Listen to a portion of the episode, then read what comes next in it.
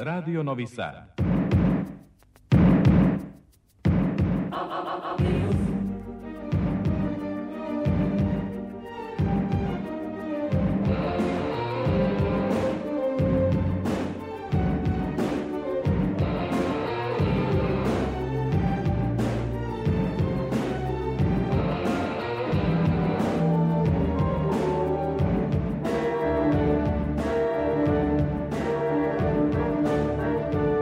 Spektar.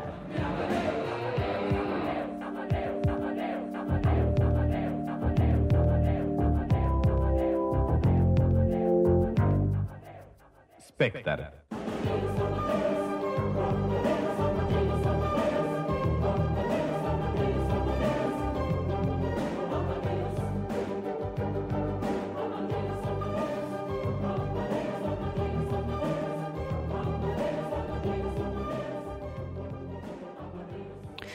Deset sati i 15 minuta, dobro večer, dragi slušaoci Spektar, magazin za kulturu Radio Novog Sada i pregled zbivanja posljednjih sati svakog petka. U Čortanovcima u Vili Stanković večeras je počeo deveti Šekspir festival. Prvi deo festivala traje do ponedeljka, u novembru će publika videti još dve predstave. Nekadašnja studentska menza na bulevaru Mihajla Pupina u Novom Sadu od prošle sedmice je nova galerija. Prvi festival telesne muzike u Srbiji, Novi Balkanski ridam, bit će priređen u septembru i to zahvaljujući podršci prijatelja. U večerašnjoj emisiji govorimo i o jubilejima koji Irig ove godine obeležava, o novom romanu Lasla Blaškovića, o festivalu Teatrium u Beogradu, najavljujemo i filmski festival na Novom naselju, sve to u narednih sat i po. Ja sam Aleksandra Rajić, slušate Radio Novi Sad i emisiju Spektar. I'm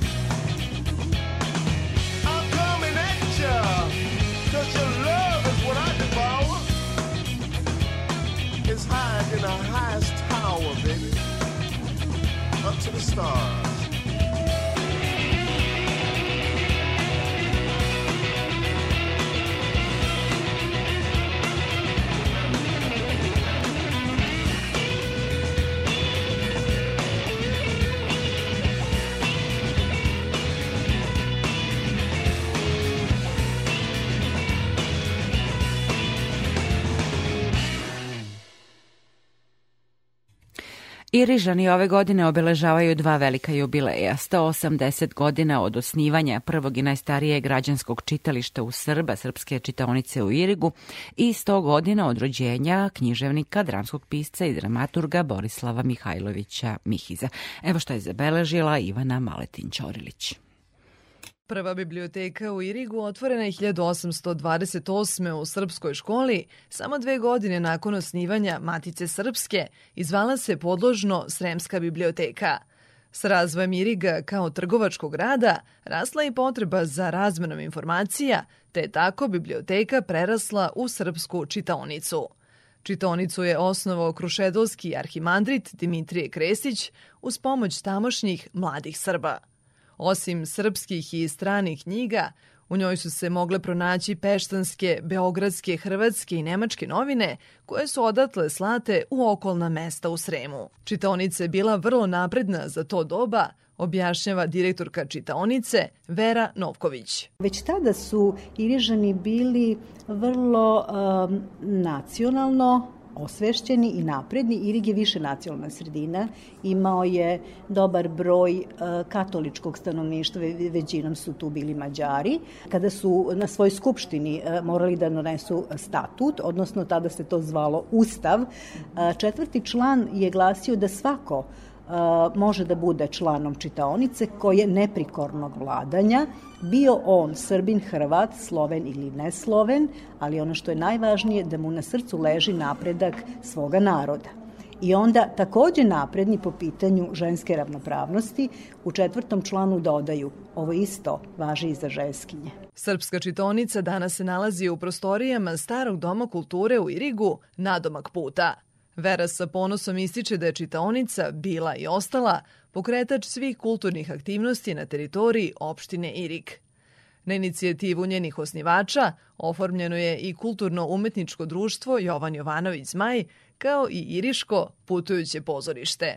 Zabeleženo je recimo da je e, Iriško putujuće pozorište pozemljivalo kostime tek novo osnovanom Srpskom narodnom pozorištu pa zatim Srpska čitaonica sa kolom srpskih sestara pokreće akciju da se podigne spomenik Milici Stojadinović Srpkinji koji je postavljen u Vrniku u blizini manastira Ravanice, kasnije prenet u manastirsku portu i brojne kulturne aktivnosti, recimo dugo je postojala jedna lepa manifestacija, sastanak škola koje su nosile Dositejevo ime, Dositejevim stazama. Kažu, dva su zmaja vladala Irigom.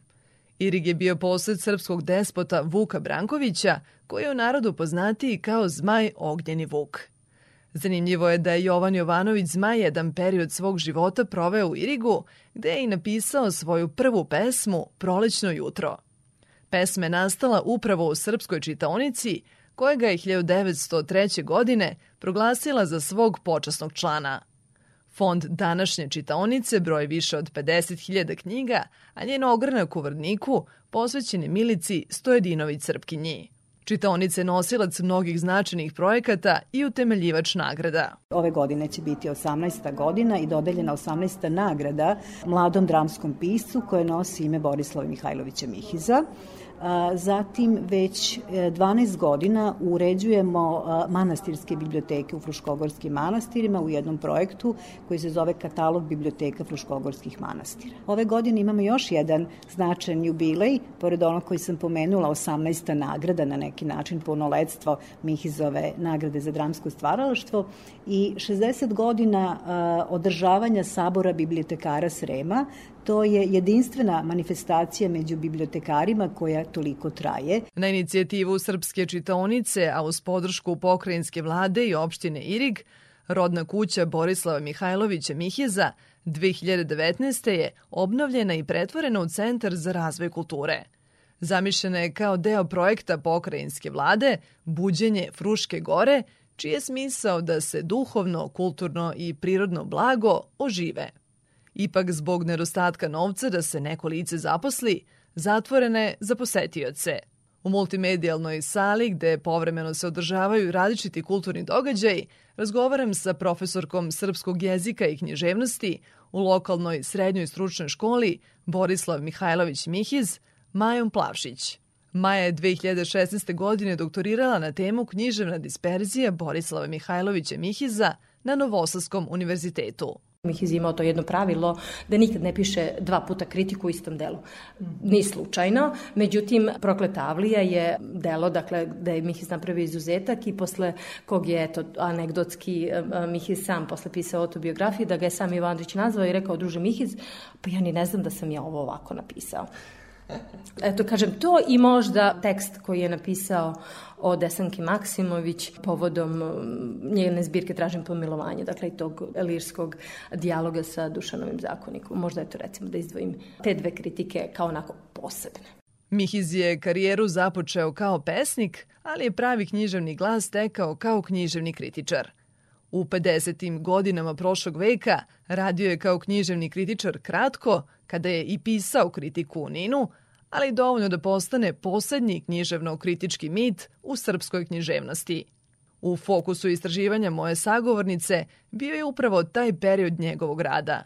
Kada je spremala doktorsku disertaciju, kaže, nije postojala monografija Mihizu, te se opredelila da radom obuhvati celokupno njegovo stvaralaštvo uključujući i dramsko. Kad se uh, posle drugog svetskog rata prosto negde taj, ajde uslovno rečeno i grubo rečeno, taj neki nacionalni identitet menja, Mihiz ostaje tvrdoglavo pri korenu u srpskoj književnoj tradiciji. On nastavlja nešto što su svi prekinuli u datom trenutku, čak i ozbiljno se buni i zamera piscima zašto prekidaju nešto čemu su pripadali do tada.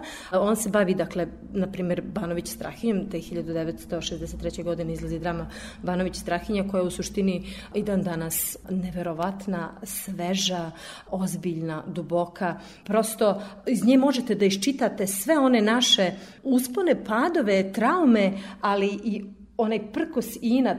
Borislav Mihajlović Mihiz napisao je četiri drame, Banović Strahinja, Marko Kraljević, komadant Zajler i optuženi Pera Todorović.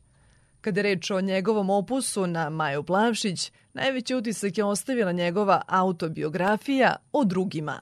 To delo, kaže između ostalog, svedoči i koliko je bio ponosan na svoje poreklo, na svoj rodni Irik. Taj utisak se posebno stiče čitanjem autobiografije o drugima, dakle tog nekog njegovog poslednjeg dela sabiranja te neke memoarske proze, gde prosto on izliva ta svoja sećanja i te svoje doživljaje i na kraju krajeva um, predstave o životu, tačno se vidi koliko on voli Irig i koliko voli ovo mesto i koliko voli sve ovo što, on, što njega čini tim što on jeste bio.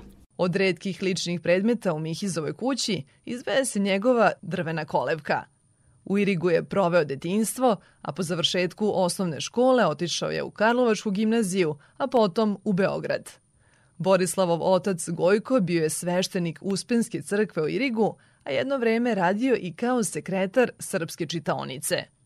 Može se reći da Srpska čitaonica i Mihiz dele istu sudbinu kao i Irig, te da su pomalo skrajnuti i zaboravljeni – Nekadašnji svetioni kulture dugo je već prolazna stanica za posetioce Fruške gore.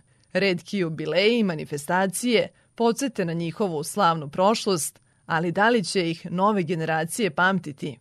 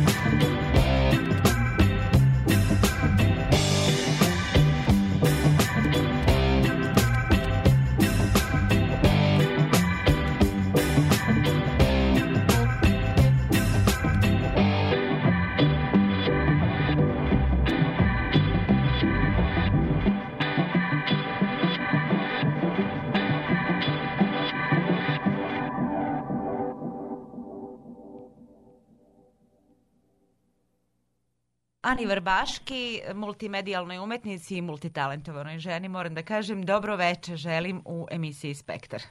Dobro večer, Sanja, hvala. E, vi sa, Ana, sa Markom Dinjaškim, evo već godinama u umetničkoj asocijaciji Alice in Wonder Band, nisam pogrešila, nije Wonderland, nego Wonder Band, je tako?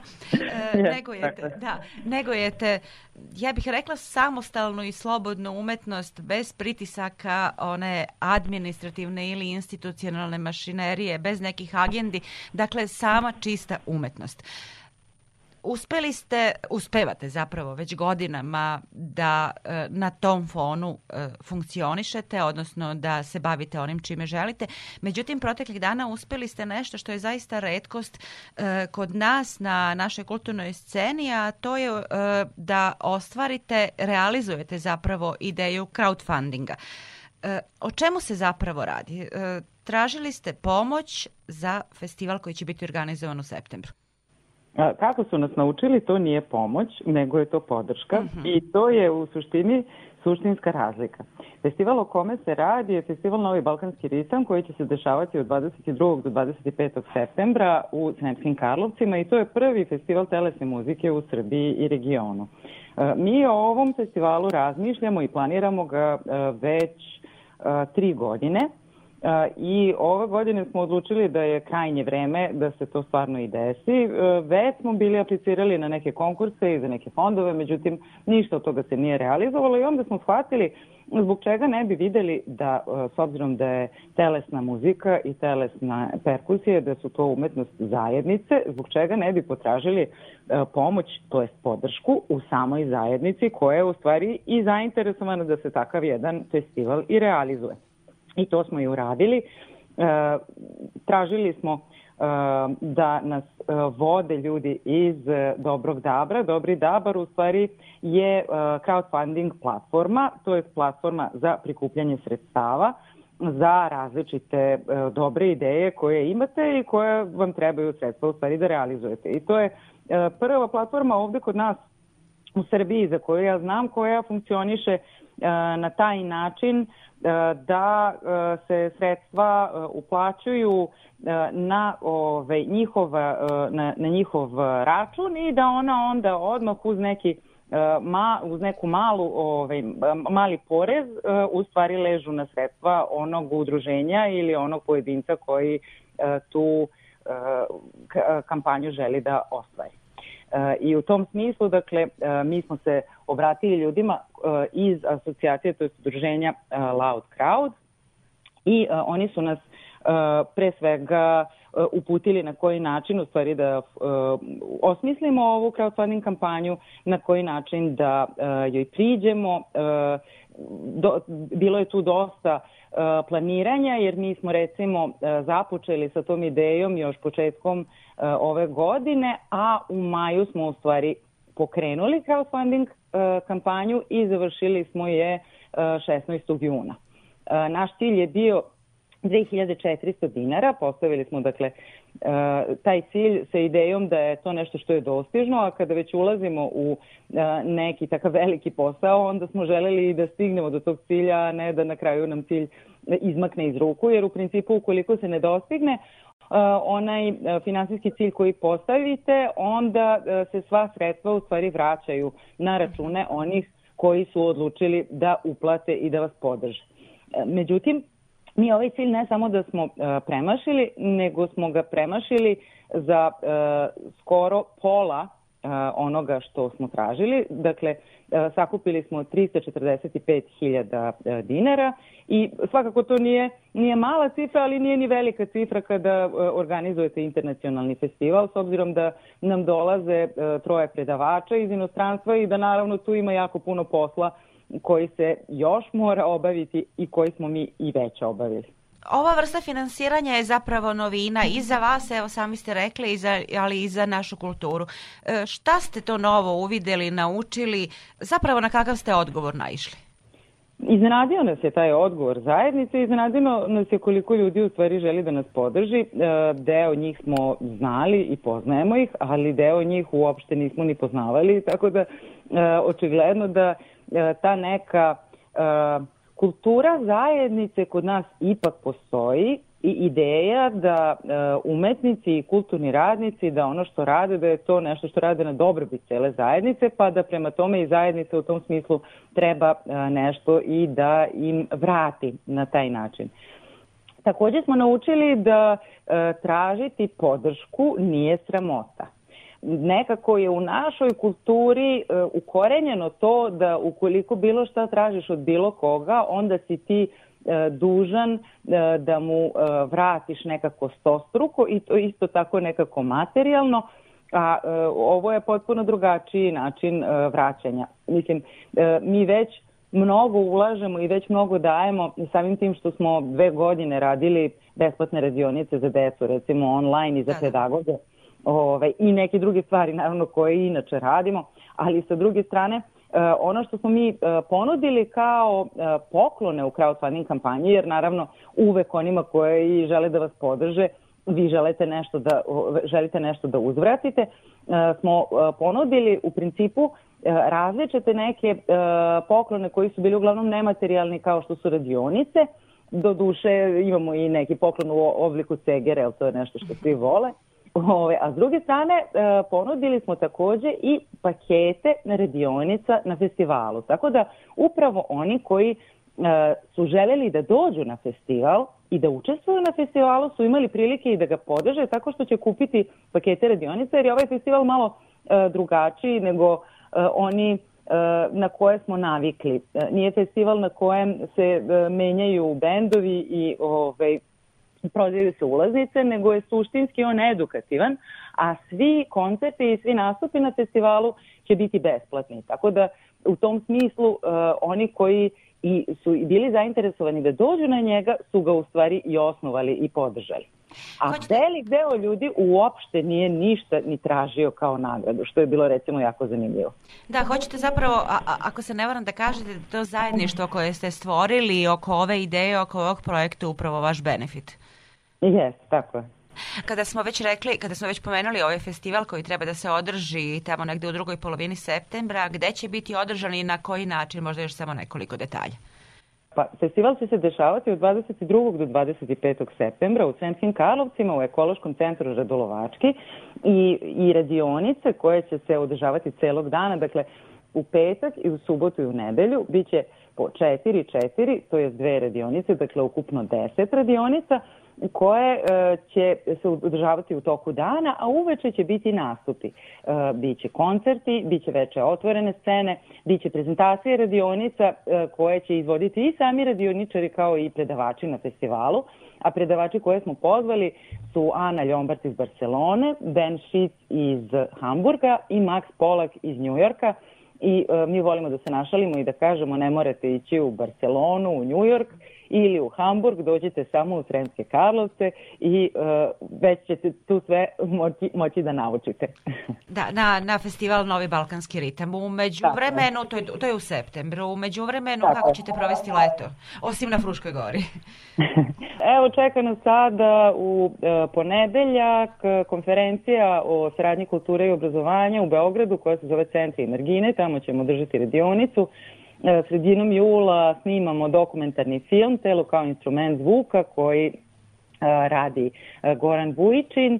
O vama ili... e, O vama O ili... nama, tako je, tako je. O nama, u stvari o stvaranju e, jednog nastupa. Kako se stvara u stvari nastup e, telesnih perkusionista, to je telesnih muzičara, kako mi spajamo pozorište i muziku i na koji način u stvari se sve to izvodi kroz improvizacije i uvežbavanja, ali i kroz razvoj različitih ideja i strukturirane improvizacije.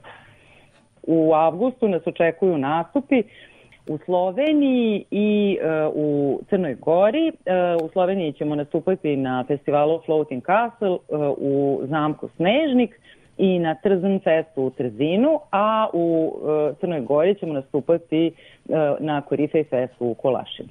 Dakle, jedno e, bogato leto je pred vama, puno posla. Ja pretpostavljam, pošto samostalno radite e, i organizujete ovaj festival, je još pred vama do Tako je. septembra meseca. Jeste, ja vam želim puno uspeha u svemu tome i naravno vidimo se u septembru u Sremskim Karlovcima. Divno, hvala vam lepo. Hvala i vama, poštovani slušalci. Moja sagovornica bila je Ana Vrbaški.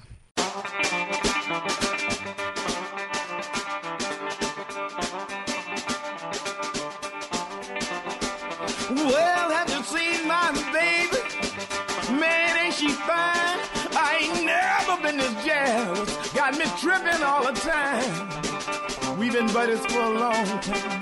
But there's one thing you got to know. I catch you messing with my old woman. Man, I'm gonna pull my 44.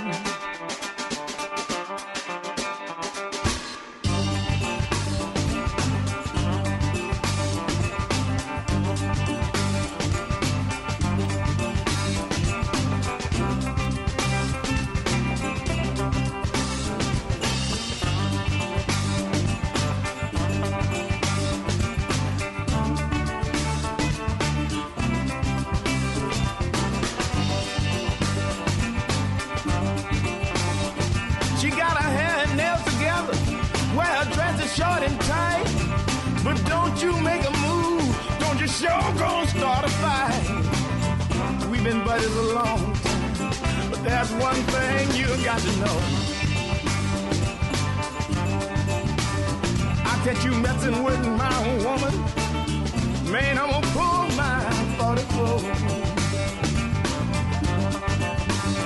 Don't go messing with my woman. Don't you try to make no time. Don't I'm gonna pull out my persuader. Change your doggone mind. You've been my best buddy. But there's one thing you need to know. I catch you messing with my old woman. Man, I'm gonna pull my 44.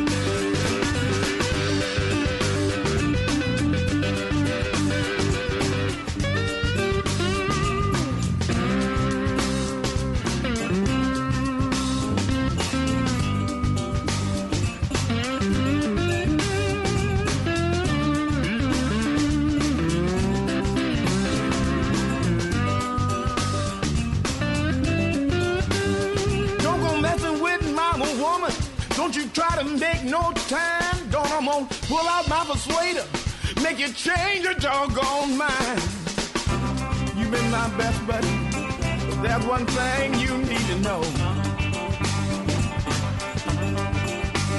I catch you messing with my own woman. Man, I'm gonna pull my 44.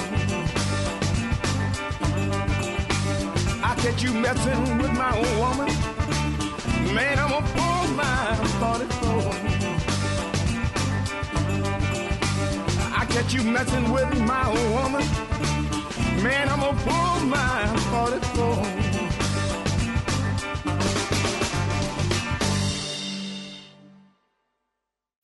Nekadašnji prostor velike studentske menze na bulevaru Mihajla Pupina u Novom Sadu dobio je novu namenu. Izložbom radova studenta završne godine likovnih umetnosti otvorena je nova galerija Novosadske akademije umetnosti. Sa profesorom Miroslavom Šilićem razgovarala je Ana Čupić. Kakve mogućnosti nudi ovaj novi galerijski prostor?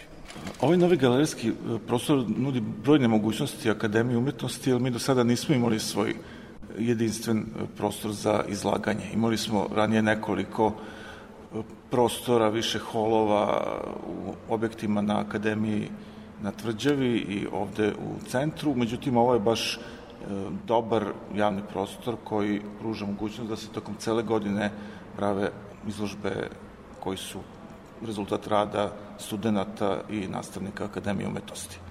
Kakva je vaša vizija Galerije Akademije umetnosti? Galerija je posvećena prvenstveno radu studenta, nastavnika i projekata Akademije umetnosti. Međutim, to nije sve. U tom jednom broju termina koji postoji tokom cele godine, ona je određena i za saradnju sa drugim organizacijama u kulturi i sa udruženjima umetnika, za konkurisanje samostalnih umetnika, umetnika iz inostranstva i tako dalje. Znači, to je jedna vizija jedne otvorene galerije koja treba da postane jedna vrsta centra likovne kulture u Novom Sadu. Galeriju Novi Sad, gradsku, nema već dugi niz godina, to je bilo nekada postojalo eventualno na Spensu, ali tome prošlo već blizu do deseta godina. E, tako da ovo na neki način će imati i tu funkciju da, da bude jedna od značajnijih gradskih galerija. Čiji radovi su se našli na prvoj postavci? Eh, na prvoj postavci su se našli radovi završne godine Akademije umetnosti, dakle to su studenti sa četvrte godine, koji se ove godine, godine završavaju i diplomirat će sad neposredno nakon ove izložbe. To su studenti sa studijskih programa likovne umetnosti i studijskih programa primenjene umetnosti. Pa sad kad idemo dalje, prosto da razjasnim, da u okviru likovnih umetnosti imamo e, oblasti slikarstvo, vajarstvo, grafika, novi likovni mediji i fotografija i oblik u delu primenjene umetnosti imamo grafički dizajn, ilustraciju i dizajn interijera. Imajući u vidu ovu atraktivnu lokaciju, hoće li galerija biti domaćin i drugih kulturnih događaja? Da, pa evo već od eh, oktobra meseca smo, eh, već od septembra u stvari imamo eh, najavljene dunavske dijaloge koje organizuje galerija Bell Art i u oktobru će tu biti salon arhitekture. Dakle, već krećemo sa, sa nekom idejom o programima. Za dalje će biti odgovoran umetnički savet galerije koji će formirati programe za sledeću kalendarsku godinu. Kakva će biti uloga studenta u samom radu galerije? E, za sada, umetnički savjet je za sada obuhvatio e, samo profesore e, i uloga studenta nije u ovom prvom koraku razmatrana, međutim studenti će imati svoju ulogu u koncipiranju izložbi i eventualno ćemo vidjeti još, kao što svuda imaju svoje predstavnike, u smislu studenta, prodekana i tako dalje, da imaju i svog predstavnika i u savetu galerije. Da li će galerija biti otvorena i za druge stvaraoce i umetnike, osim studenta Akademije umetnosti? Da, bit će otvorena i za umetnike iz inostranstva, na primjer, tu već imamo dogovorene neke saradnje. E, zatim, bit će otvorena i za e, konkursom za još po neke umetnike koje mi pronađemo da, da zadovoljavaju neke, kako kažem, malo strožije kriterijume za izlaganje. Drugo, ovo je poprilično veliki prostor od 200 kvadratnih metara i zida nekih, neke dužine od jedno 60 metara. Dakle, to mora zaista da bude vrlo dobro pripremljen umetnik da može da izlaže u ovako velikom prostoru.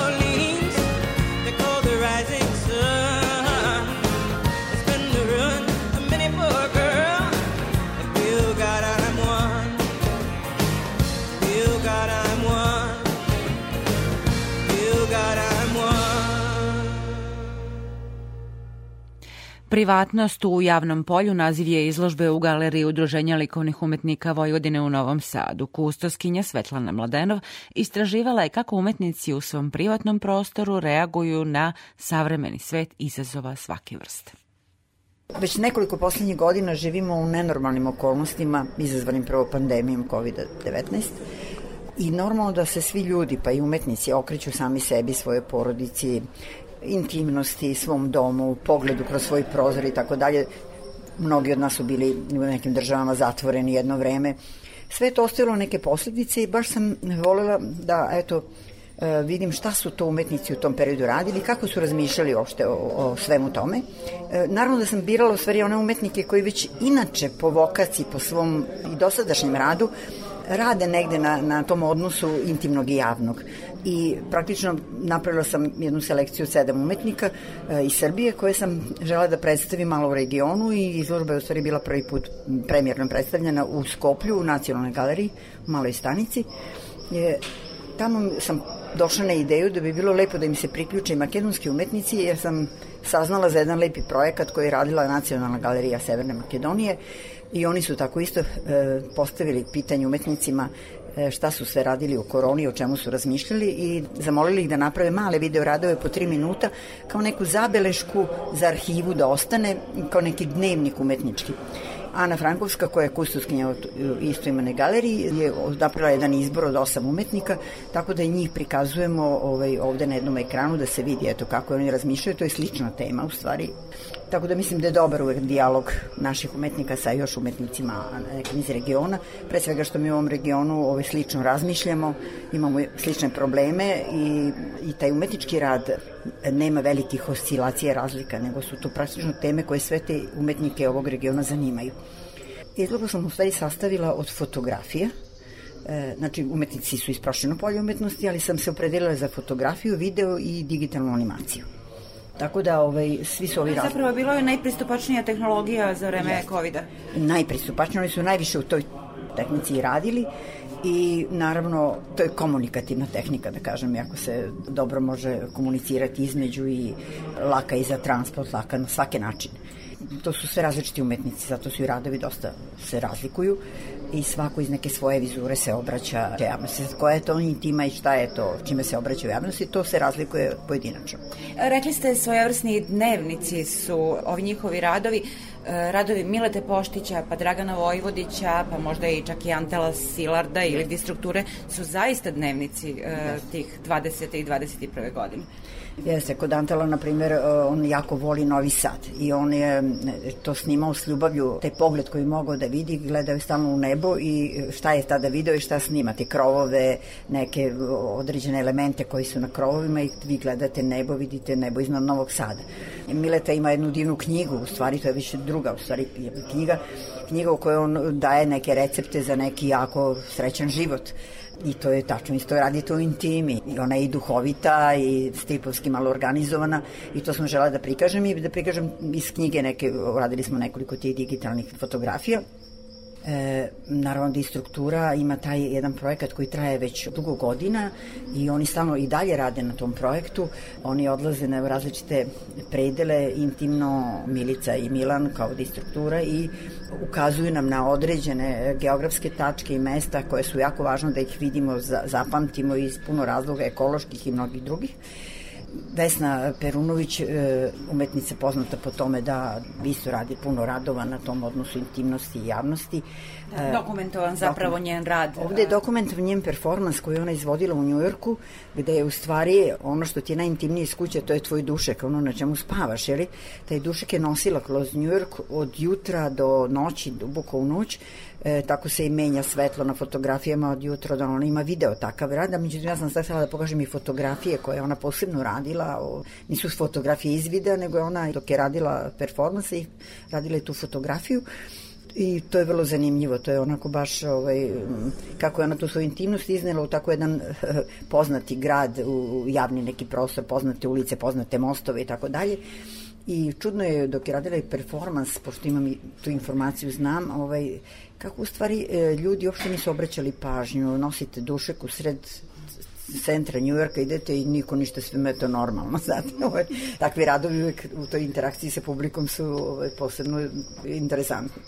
Stevan Kojić se okušao za vreme evo, pandemije u nekim medijima u kojima do, do sad nije toliko mnogo da, izlagao, to je video rad. Najintimniji to je deo, neki njegov, on uvek radi tu digitalnu animaciju, ali tako kada se usami, kada je u svom nekom, da kažem, kućnom, onom svakodnevnom okruženju, on voli u tom da radi i e, napravio je tako jedan rad kako je on razmišljao o nekoj budućnosti, o nekoj i ima tu i ekologija, ima tu svega, samo je to sad ovako na prvi pogled se ne vidi, ali u stvari treba malo duže posmatrati. Ali to su ti neke, neke zabeleške, ti manji, kraći radovi koji u trenutku umetnik dok je onako sam u svom nekom privatnom okruženju ovaj, napravi.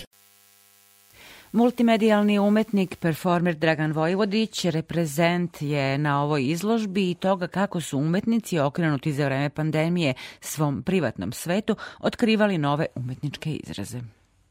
Meni taj prostor ovaj, uopšte nije bio neobičan, bez obzira u kontekstu u kom smo mi živeli.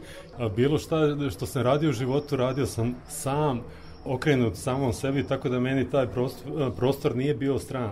Kad smo bili u lockdownu, taj vremenski period kada smo se mogli kretati, ja sam i onda odlazio u prostore gde nije bilo ljudi i onda sam jednostavno napravio jednu seriju fotografija, uopšte nemajući ideje šta će se desiti sa tim. I onda sam umeđu vremenu, posle izvesnog vremena dobio od Google pretraživača moje kretanje za vreme tog lockdowna. I onda sam ja ponovo odlazio na ta ista mesta, znači to su neka mesta oko grada, mesta gde nema ljudi, i onda sam ponovo fotografisao ta mesta gde sam ja boravio. Veoma brzo se to desilo, možda posle mesec ili, ili dva. I onda sam te mape koje su ovaj oni proizveli, meni bilo interesantno da ja sad apliciram te, prisvojim te mape i onda sam te mape samo ugradio na, na te fotografije kretanje i napravio kao neki diptih moje figure u tom prostoru i te mape kretanja u tom prostoru. Znači, to je neka interakcija između Google pretraživača i mene. Znači, ja sam samo iskoristio tu mogućnost što je neko mene pratio, a meni je baš ta situacija interesantna da mene neko negde prati, znači nemam nikakvu strah od toga i samo sam to iskoristio u svom radu.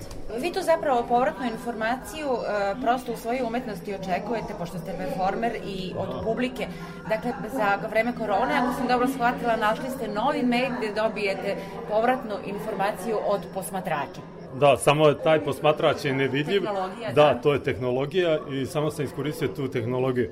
Sad kad se gleda taj crtež, on je ovaj abstraktan kad ga ja izdvojim iz konteksta, ali to je moje kretanje. Ja sam mu našao neku primjenu, aplicirao sam ga, prisvojio. Prošle godine kad sam bio u Njujorku, isto sam sve dobio od Google pretraživača, sve ta moja kretanja, tako da je to sad neki rad koji može da ima i svoj nastavak, samo nekim drugim područjima. I, a opet je meni to interesantno zato što je dosta moje produkcije nastalo tako što sam se kretao po svetu kao neki ima ta, da, da, i ima da. taj aspekt nomadizma u mom radu, tako da mi je to jako blisko. Da, je vam nedostajala publika za to vreme? ne mogu reći da mi je nedostajala, ali ovaj uvek kad ima neku priliku da ovaj komuniciram sa publikom ako nešto izvodim, sve uvek mi je to neki izazov. Ovde sam našao neki opet izazov bez publike, jer takvo je bilo vreme. Antel Silardu je u svojim fotografijama tražio Novi Sad u detaljima. Novim Sadom se zapravo bavim od kad imam potrebu za kreativnim izražavanjem i nekako sam pristupio tome sa neke romantične strane, negde evocirajući neke i svoje uspomene i uspomene predaka na neka možda meni se čini lepša i romantičnija vremena. Volim da ukažem i da otkrijem neke detalje koje mislim da pripadaju nekom vremenu sa malo višim estetskim kriterijumima i da negde apelujem na one koji su u čijoj je moći odluka o tome da šta će ostati i šta neće ostati u gradu, šta čini zapravo ovaj grad, šta čini identitet, šta čini lepotu i prepoznatljivost našega grada. Mišljenja sam da naš grad prolazi kroz užasan period, jednu takvu devastaciju koja mislim da je nepovratna ne krije se lepota samo u, u fasadama, ne krije se lepota samo u, u, u ulicama, u zelenilu. Lepota se krije i u doživljaju toga svega i u ljudima. Vi kad hodate ulicama, vi po portretima tim, po tim licima zapravo možete napraviti diagnozu situacije, one koji vam dolaze u susret na ulici ili ih sretnete u gradskom saobraćaju ili u redu ovaj, ispred kase, vi tačno možete odrediti u kom i kakvom gradu živite. Takvo odsustvo osmeha, ljubaznosti, empatije već odavno nisam doživeo i mogu vam ovaj reći da kad god doživim neki gest elementarne ljubaznosti ili, ili gest eh, neke elementarne kulture, ja se iznenadim. Ja se bukvalno iznenadim, a to bi zapravo trebalo da bude a priori prirodno i sasvim što bi se reklo, i urođeno svima. E, u takvom gradu meni ne preostaje baš mnogo, a eto, nego da dam neki, neku svoju malu kontribuciju u smislu da zabeležim neke detalje, nešto što je u nekom, kako kažem, metonimičnom smislu negde e, reprezentuje jedan detalj, reprezentuje celinu. A fotografija je zapravo sjajna te svoje prirode, ona je u isto vreme i dokument i umetnost. Tako je, fotografija ima mnogostruke prednosti. Fotografija je danas doživljava na neki čudan način neku ovaj renesansu, jer u komunikaciji gde je veliko odsustvo pisane reči i čitane reči, fotografija je neka simplifikovan način ovaj komunikacije, čemu možemo da i da se radujemo i da tugujemo, ali to je tako pa je tako. U današnje vreme se napravi nekoliko milijardi fotografija dnevno, ali može se verovatno na prste nabrojati dobra fotografija. I to je, to je tako uvek bilo, znači kad je inflacija nečega, jel, to je onako eklatantno gubljenje vrednosti, pa samim tim i fotografije. Tako da to mediju treba pristupiti sa krajnjom poniznošću, poštovanjem i opreznošću, jer je to velika odgovornost. E, Ove vaše fotografije izložene na ovoj izložbi, ne znam kako su rađene, u kakvoj tehnologiji, ali izgledaju kao analogne zapravo. One jesu analogne, ne znači to da se na digitalni, ovaj, na digitalni način ne mogu napraviti dobre fotografije. Na kraju krajeva mnoga oka to ni ne prepoznaju, nije u tome suština, suština je u tome da vi kad radite analogno, onda vi malo morate da se pomučite oko toga, imate taj, tu dimenziju, taj, taj moment tajne i neizvesnosti, kako će ispasti, i pravo da vam kažem, ja uživam u tome i vi do samog kraja ne znate šta ste uradili i Znate, tu se deš, dešavaju neka čuda koje su mimo, mimo našeg ovaj, poimanja i mimo naših sposobnosti imam utisak da se tu neke druge sile umešaju u tom procesu i uvek nastane nešto malo drugačije nego što sam to zamislio prilikom samog okidanja.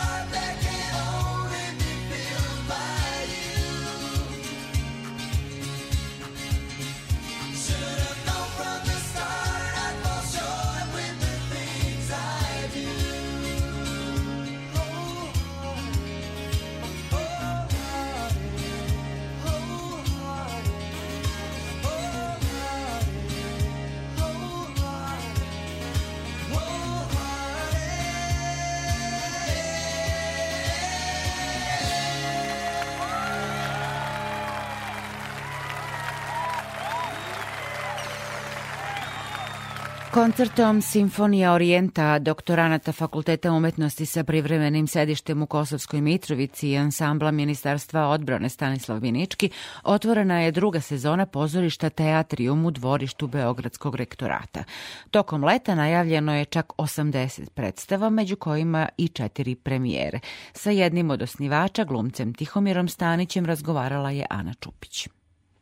Kako ste se odlučili da ponovo oživite prostor kapetan Mišinog zdanja? Dugo godinama, godinama sam prolazio tamo i gledao to dvorište koje je zvejalo prazno i pitao sam se zašto tu neko ne napravi pozorište. Zato što pamtim to vreme 80. godina kad smo tamo igrali pred prepunim gledalištem na zadovoljstvo svih nas. A onda je moj prijatelj iz tog vremena i, i glumac sa kojima sam igrao e, predstave tamo Vladan Gajović okačio na Facebook neke slike iz predstave Venecijanka. Slučajno se isto tako desilo da smo napravili neki kontakt sa rektoratom. Otišli smo kod rektorke Ivanke Popović, ona je sa svojim timom tamo na savetu univerziteta predložila tu ideju i svi su to prihvatili sa radošću i evo i sad novi rektor daje nam veliku podršku i ostali profesori. Prošle godine smo odigali 50 predstava i to smatram baš nekim podvigom svojevrsnim.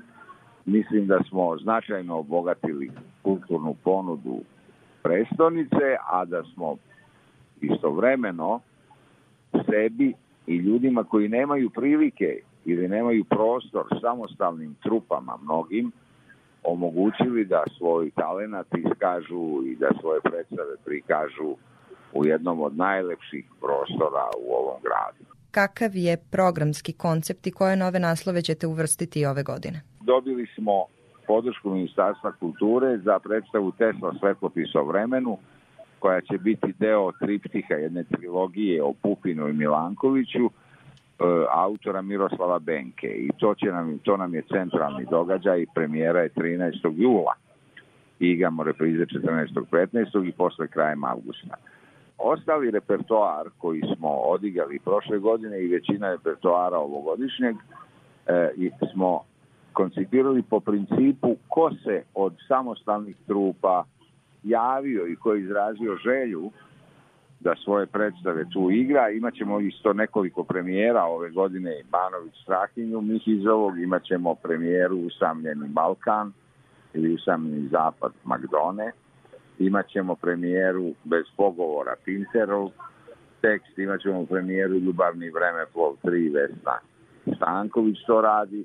Imamo nekoliko isto tako studentskih predstava, imamo jednu predstavu studenta sa fakulteta iz Prištine, A ono što je koncept i ideja bila u samom startu je da u tom prostoru organizujemo festival diplomskih predstava i studentskih predstava iz celog regiona i da omogućimo tim ljudima koji bi došli da igraju predstavu da provedu 10-15 dana u Beogradu, da gledaju jedne druge, da se upoznaju, zbliže i tako stvore neki, neki dobar osnov za neku buduću saradnju, jer u umetnosti ne bi smelo postojati e, tih administrativnih granica i Pored toga što ste dobro poznati beogradskoj publici, prve korake ste napravili u Srpskom narodnom pozorištu.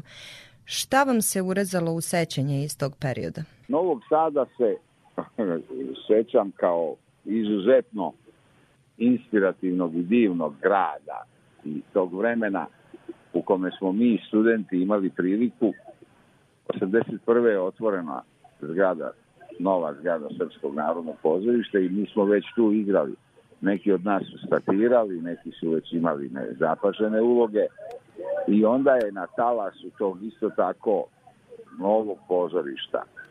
Nama su sva vrata bila otvorena i bili smo tako nekako u to vreme je pozorište vodio Nikola Petrović Peca poznati pozorišni stvaralac koji je ostavio velikog traga i u Zagrebu i u Somboru, a i tu kao prvi direktor drame Srpskog narodnog pozorišta. To je, bojim se, jedino čega se ja kao glumac plašim da ću izgubiti nekad i onda ću verovatno i prestati da igram, da ću izgubiti to radost i izbuđenje sa kojim sam ulazio u tu novu zgradu Srpskog narodnog pozorišta i čekao da počne predstava u kojoj ili statiram ili igram glavnu ulogu, potpuno je sve jedno. Da li ćete uskoro obradovati novosadsku publiku nekim novim gostovanjem? Evo, bukvalno sam se danas dogovorio sa Ivanom Žigon, koja me pozvala i rekla mi je da je nju Stevo Žigon, njen otac, ostavio meni na čuvanje. Tako mi se obratila možda to nije tačno, nije važno, ali ja sam baš u Srpskom narodnom pozorištu upoznao velikog Stevu Žigona, igrao u njegovoj predstavi San letnje noći. Ivana Žigon režira predstavu Jelena žena koje nema po prozi. Ona je napisala tekst na prozom Ive Andrića i u toj njenoj predstavi u kojoj će ona igrati ja ću se pojaviti u uloži Ive Andrića i mislim da ćemo već 30. avgusta to igrati u Novom Sadu.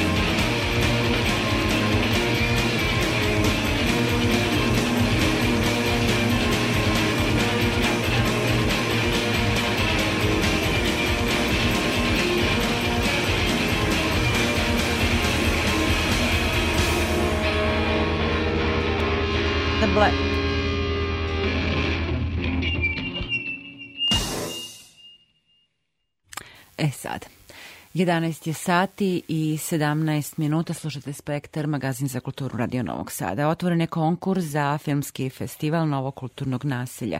Svi zainteresovani autori mogu prijaviti svoje kratkometražne filmove nastale u periodu od juna do avgusta ove godine. Filmovi koji budu izabrani od strane selektora festivala ulaze u konkurenciju za nagradu publike Zlatni čep, inače autorski rad novosadskog vajara Dejana Jankova. Prošle godine publika je nagradila film Dostavljačke priče Milane Nikić. Od svog prvog izdanja 2015. festival je okupio više od 10.000 ljudi u bioskopu pod vedrim nebom. O festivalu i planovima sa Ognjenom Tomaševićem iz Novog kulturnog naselja razgovarala je Vesna Farkaš šta su propozicije, kako treba da izgleda film, ko sve može da konkuriše i do kada će konkurs trajati. To je osmi festival, 21.114 Film Fest u organizaciji Novog kulturnog naselja održat će se ovog septembra na posetiocima dobro poznatim lokacijama na novom naselju, na otvorenim zelenim površinama, odnosno na lokaciji budućeg kulturnog centra Novo naselje. Konkurs je otvoren, na konkurs mogu da se prijave svi filmski stvaraoci iz regiona. Jedini uslov je da je njihov film nastao u periodu od juna 2021. pa do avgusta 2022. i da ne prelazi 30 minuta. Dakle, u pitanju je konkurs za kratkometražne filmove koji otvaraju program festivala već sad tradicionalno svake godine i učestvuju u zboru za nagradu publike Zlatni čep koju dodeljuje publika festivala. Pored te nagrade publike nema drugih nagrada, ali posetioci već i stanovnici Novog Sada, ne samo Novog naselja, znaju da uvek mogu da očekuju raznovrsni filmski repertoar e, na 21.114 Film Festu, pored nekih najaktuelnijih e, izdanja iz e, celog regiona. Priredit ćemo i, i program na još nekoliko lokacija gde ćemo malo ovaj, uživati u nekom alternativnijem filmskom stvaralaštvu, u filmovima iz celog sveta, kroz dodatne tribine, radionice o filmu i propratni sadržaj koji u stvari čini dušu ovog našeg festivala. Primetim samo da od prvog e, izdanja festivala do sada to je stvarno jako velik rast. U, ne, u prvom festivalu je bilo da ste onda već izmislili već nekako alternativu kao što jeste, a evo sad već vi imate autorske filmove. Zapravo ono su već bili snimljeni filmovi koje ste vi puštali na prvom festivalu, a sada su ovo potpuno autorski filmovi. Tako je, tako je. Sad je to e, vremenom evoluiralo jedan jako lep miks e, svih vrsta, odnosno vidova filmskog stvaralaštva na početku tih prvih godina su to bili uglavnom već neki e, etablirani filmovi koji postoje, koji su prošli e, bioskopski život i festivalski život i igranje. Međutim, sada imamo tu neku kombinaciju autorskog filma, nekih možda još uvek neafirmisanih umetnika. E, imamo program iz, iz nekoliko zemalja ovaj, sveta, gde preko filmske platforme Film Freeway mi u stvari pozovemo, imamo još jedan konkurs gde ljudi iz čitavog sveta prijavljuju svoje filmove. Imamo tu novu scenu koja se zove Kod Ike i Tibora, koju radimo zajedno sa našim onako bardovima filmskog stvaralaštva novosadskog Tiborom Vajdom i, i, i Ikom Bašićem. A, takođe ove godine će nekoliko filmova koji su nastali u produkciji novog kulturnog naselja biti prikazani kao što je kao što je e, film Komšije nastao u sklopu Art Quart Starta koji će u stvari svoju premijeru na velikom platnu u Novom Sadu imati baš kod nas na festivalu, što je negde i logično. E, zatim još nekoliko filmova koji su u produkciji novog kulturnog nasilja, kao što je animirani film Korak i tako dalje. Oni će u stvari, e, ideja je da oni otvore svako večer. Toliko filmova imamo, toliko večeri i festivala. Ovaj, tako da zaista onako jedan e, raznovrstan i, i, i širok program za svakog po nešto što se kaže i nadamo se da će svi uživati, svi ljubitelji sedme umetnosti da će naći nešto za sebe i uživati tih dana na novom naselju. Ima li još nekih planova za leto ili bar ako ništa drugo ono u skorije vreme? Ima, ima. Novo kulturno naselje užurbano radi na nekoliko projekata u isto vreme. Da ne otkrivamo mnogo, očekujte zaista mnogo stvari tokom leta tamo negde u drugoj polovini leta. Tu su nam, tu su nam umetnici iz, iz evropskih zemalja preko mreže Magic Carpets, čiji smo deo već nekoliko godina. Stoji saradnja sa umetnicima van granica Evrope, sa istoka, o čemu ne smijem još uvijek mnogo da pričam, ali eto kao što smo malo pre rekli, novo kulturno naselje na društvenim mrežama, da eto ostanete u toku sa svim.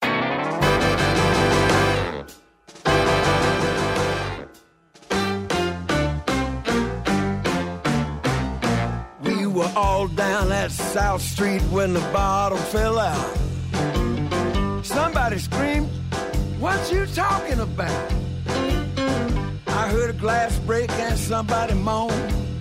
Saw Raymond running out the front door, screaming into his cell phone.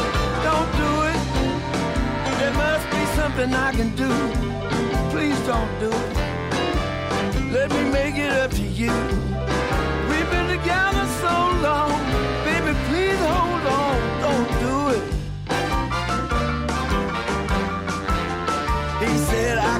To get to it just as fast as I can.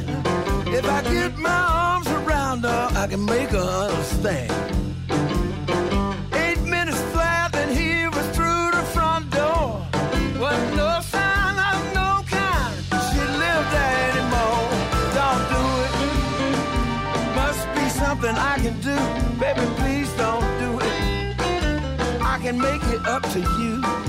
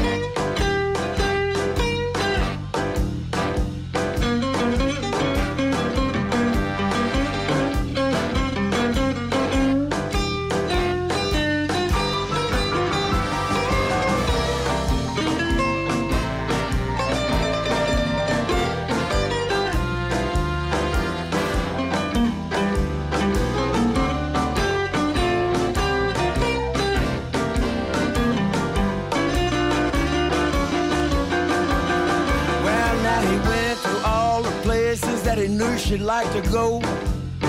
Ask everyone about her, but nobody seemed to know. He saw her coming out of that place called Bongo Java.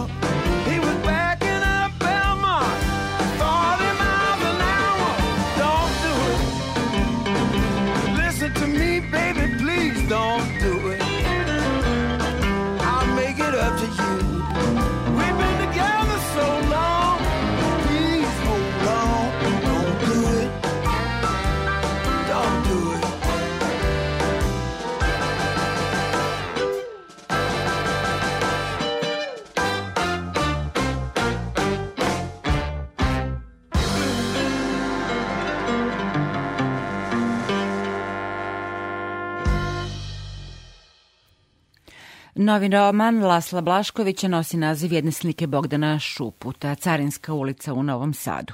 Nastao je, kaže pisac, na krhotinama jednog tek- teksta iz 90-ih u kom se bavio kratkim i nesrećnim životom novosadskog slikara stradalog u raciji. Prvorazredni novosadski roman, građen na istine i dokumentarnosti, kaže o knjizi prevodilac i profesor Zoran Paunović. Ovo jeste knjiga o Bogdanu Šuputu i koja se bavi Bogdanom Šuputom, ali je takođe knjiga koja, kao i sve Laslove knjige, pripada svom svojom dušom, ne uvek vidljivom i tananom i neuhvatljivom, pripada Novom Sadu. Mnogi gradovi imaju svoje pisce, mnogi gradovi imaju svoje romane, poznate su priče o Berlinu kao literarnom toposu, o Dublinu koji se i u ovoj knjizi mnogo puta spominja, o drugim evropskim i neevropskim gradovima koji eto imaju svoje pisce. Ovo je redak primer da jedan ne grad, nego jedna ulica ima svog eh, pisca i to ulica koja u ovom romanu izrasta u grad, a grad Novi Sad postaje univerzum, postaje zahvaljujući tom literarnom postupku Lasla Blaškovića, izrasta u ne mikrokosmos, nego rekao bih eh, makrokosmos.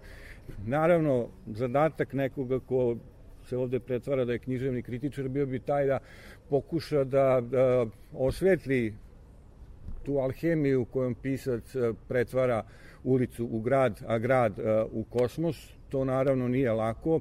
Kad bi bilo lako, prozu bi pisao svako. Ovo je nehotična rima, ne bih se razmetao rimama u prisustvu dvojice majstora slobodnog stiha, sigurno ih ne bih provocirao na takav način. Ali naravno mogu da pokušam da, da uradim tako nešto, da ukažem na neke od najznačajnijih odlika a, Laslovog a, pisanja. Mogli bismo početi tu priču na različite načine i s neba pa u rebra, onako kako on počinje ovaj roman, a i po nekom logičkom sledu, ali mogao bih da je počnemo od recimo onoga što ga povezuje sa glavnim junakom njegove knjige, a to je sposobnost percepcije, sposobnost detalja. Jedan od Laslovih omiljenih pisaca, dobro i moj, Vladimir Nabokov, u jednom svom romanu kaže detalj je sve.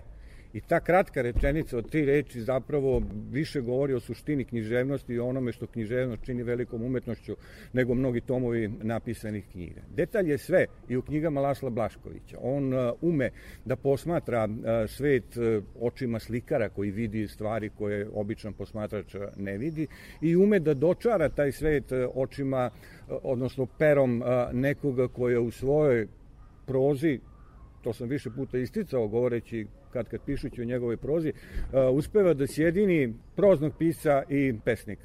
Dalje možemo govoriti i o njegovoj književnoj erudiciji, o tome koliko je mnogo neprimetnih tragova za one koji umeju da ih uoče posejano kroz ovo delo. On voli da ukazuje na svoje izvore, ali na svoje uzore zapravo to provlači kroz tekst tako da mnogi to neće ni primetiti, ali onaj ko primećuje Ukoliko bismo uzeli da napravimo spisak svih literarnih aluzija, bila bi to knjiga nekoliko puta deblja od uh, one koju je napisao, dakle, oslanjajući se pored ostalog i na te čvorne tačke koje uh, prepoznaje kao svoje najznačajnije uh, uticaje.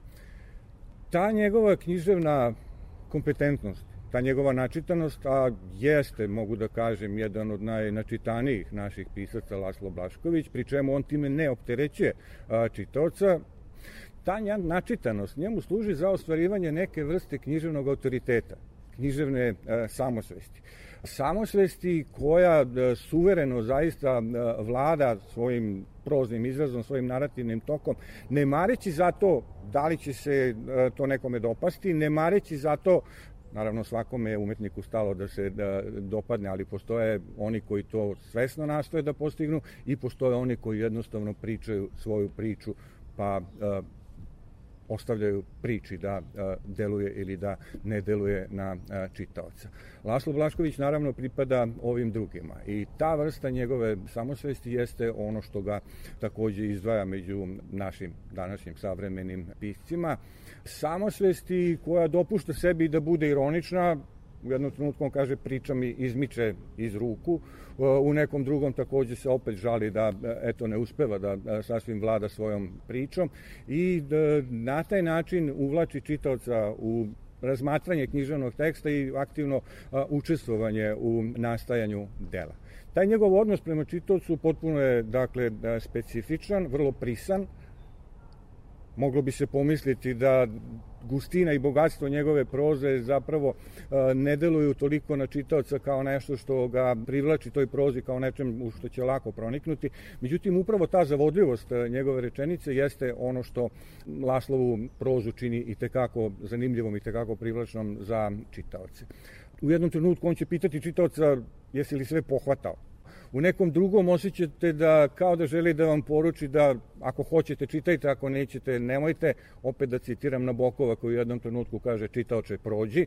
A, za ovu knjigu to ne važi a, nikako. Ovde zapravo treba reći čitaoče zastani, otvori ovu knjigu i kada je budeš otvorio teško da ćeš moći da je a, ostaviš do njene poslednje stranice. Ta knjiga, osim toga što je knjiga o Novom Sadu, jeste naravno i jeste pre svega knjiga o a, Bogdanu Šuputu, o njegovoj nesrećnoj sudbini, o njegovom velikom umetničkom delu koje nadilazi sam njegov život i koje zapravo se pokazuje eto već u više Laslovih dela zaista dostojnom građom za jednu ovakvu veliku umetničku avanturu kakav je ovaj roman.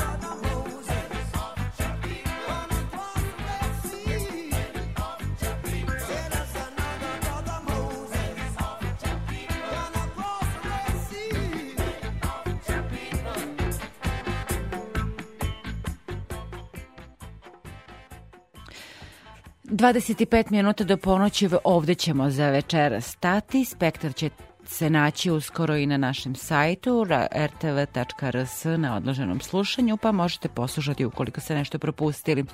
A realizovali su ga Ivana Bogišić, Zoran Gajinov, ja sam Aleksandra Rajić.